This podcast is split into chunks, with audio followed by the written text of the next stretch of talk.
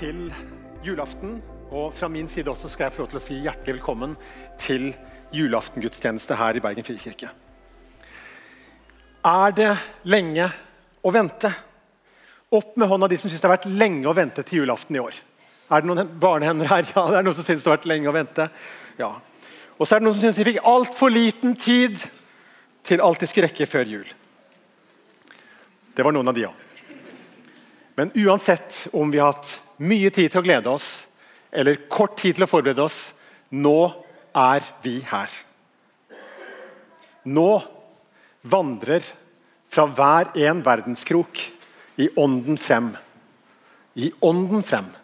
Et uoverskuelig pilegrimstog mot Betlehem, mot Betlehem. Dagen er her.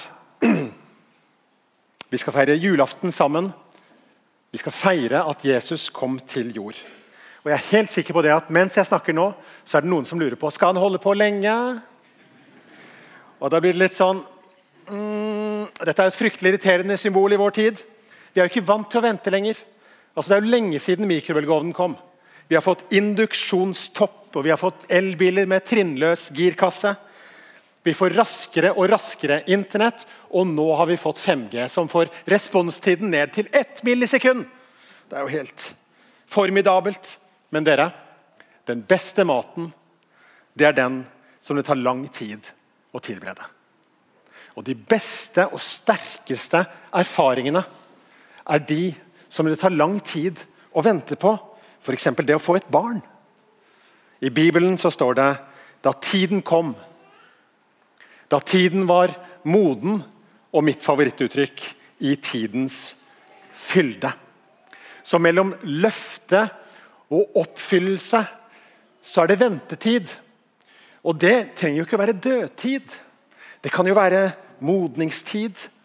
Akkurat den tiden vi trenger for å lukke en dør bak oss og åpne en ny foran oss. Løftet om Messias som en dag skulle komme der framme er gitt oss i Bibelen hundrevis av, gang, av ganger fra Det gamle testamentet sine første ark til Det gamle testamentet sine siste ark. Og Da ble det stille i 400 år. Fra profeten Malaki til Matteusevangeliet så er det 400 års taushet. Men så Da begynner det å skje noe. Da bygger det seg opp en forventning. Det er noe i gjære. Simon i tempelet han var en av de som venta på denne store dagen når Messias skulle komme. Og På et eller annet tidspunkt i livet sitt så, var, så sa Gud til Simon at du skal få lov til å se den dagen Jesus kommer. Den dagen Messias blir født, så skal du fortsatt være i live. Når Jesus var åtte dager gammel, så tok de han med til tempelet. og Simon tok Jesusbarnet i armene sine og, og sa Nå lar du din tjener fare herifra i fred, for mine øyne har sett din frelse. For frelsen er ikke en religion eller ritualer som vi må gjøre. Frelsen er en person som vi kan ha en relasjon til. Så gamle Simon han kunne se Guds frelse.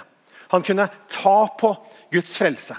Og Trykka han nesa godt inn i magen på babyen, så kunne han også kjenne lukten av Guds frelse. Ta han i sine armer og gi han en klem. Men nå foregriper vi selvfølgelig begivenhetene. La oss gå noen måneder tilbake i tid. Engelen hadde fortalt Maria at hun skulle bli med barn. Men hvordan skal det gå til, sa Maria. Jeg har jo ikke vært sammen med noen mann. Ingenting er umulig for Gud, svarte engelen.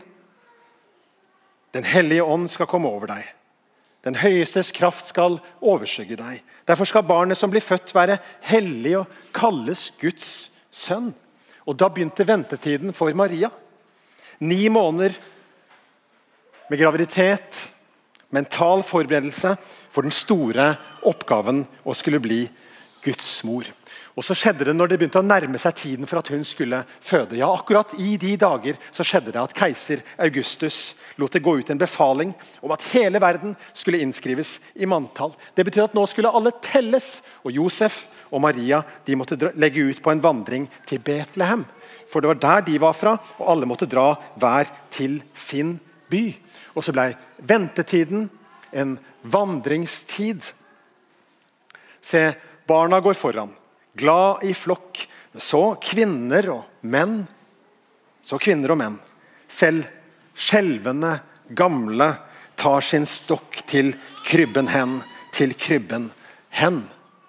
Det har gått nøyaktig et år siden forrige jul. og De som en gang var barn, har kanskje blitt ungdommer. Og de som en gang var ungdommer, har kanskje blitt voksne kvinner og menn. Og de som en gang var voksne kvinner og menn, har blitt skjelvende gamle som tar sin stokk Jula kan være en tid for å mimre tilbake.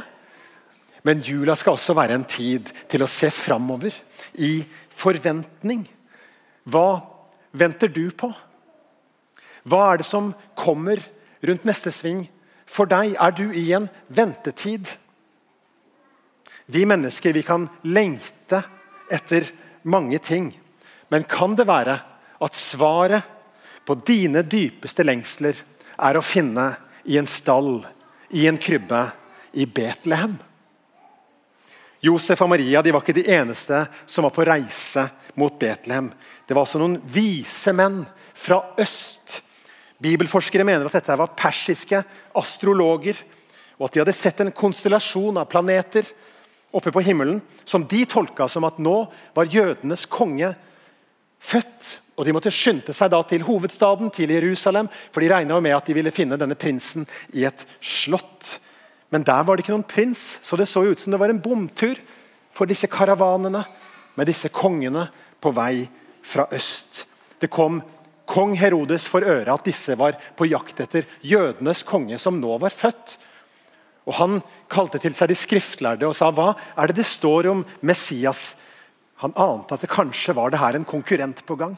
Hvor er det det står at Messias skal bli født? Jo, det er i Betlehem at Messias skal bli født. Så Herodes sendte de i retning av Betlehem med ondt i sinne. Men like fullt så satte de nå kursen mot Betlehem. Og stjernen den var helt enig med Det gamle testamentet sine anvisninger og bevegde seg foran de helt til de var framme foran det huset der barnet var. Og når stjernen stanset der, så står det at de ble jublende glade. Og glede er også stikkordet for englenes budskap til gjeterne. For ikke bare konger fra fjerne land langt unna var invitert til festen. Også disse enkle gjeterne fra Betlehemsmarkene. Og Vi kan se for oss at eh, de sitter der i stummende mørke. Øynene har vent seg til det. De sitter kanskje og halvsover. De er vant til at det er røvere, de er vant til at det er udyr. Men at det er engler som lyser opp himmelen, det er de ikke vant til. Og de blir livredde. Engelen sier, 'Frykt ikke. Jeg forkynner dere en stor glede, en glede for hele folket.' For i dag er det født dere en frelser i Davids by. Han er Messias, Herren. Og dette skal dere ha til tegn. Dere skal finne et barn som er svøpt og ligger i en krybbe. Og når det var sagt, så, så var det ikke bare én engel som var der, men usynlige engler dukka opp, og det ble et stort himmelsk englekor som lovsang Gud der ute på Betlehemsmarkene og sa ære være Gud i det høyeste og fred på jorden, i mennesker Guds velbehag. Og Så forsvant de like fort som de kom, og gjeterne kommer liksom til seg sjøl og så sier de, la oss gå, vi også, til Betlehem for å se dette som har hendt, og som Herren har kunngjort oss. Og Så står det at de skyndte seg av sted. Og Med det så er det tre forskjellige følger som er på vei mot Betlehem denne julenatten. Maria og Josef med Jesusbarnet som ikke er født ennå. Og så har du de vise menn, som på en måte representerer de sofistikerte og de lærde, og også de hedenske folkeslag. Og så har du gjeterne. Ja, Hvem representerer egentlig de?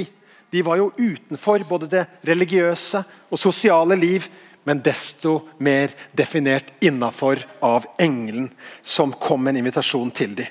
Og som snakka om en glede for alt folket. En glede for alle folk. I mennesker Guds velbehag. Ja, i alle slags mennesker Guds velbehag. De vise menn de fikk et tegn oppe på himmelen. Og Det var såpass mirakuløst med denne stjerna som bevega seg foran dem til de kom til riktig hus, at det måtte være noe i det. Og Gjeterne de fikk et tegn nede på jorden.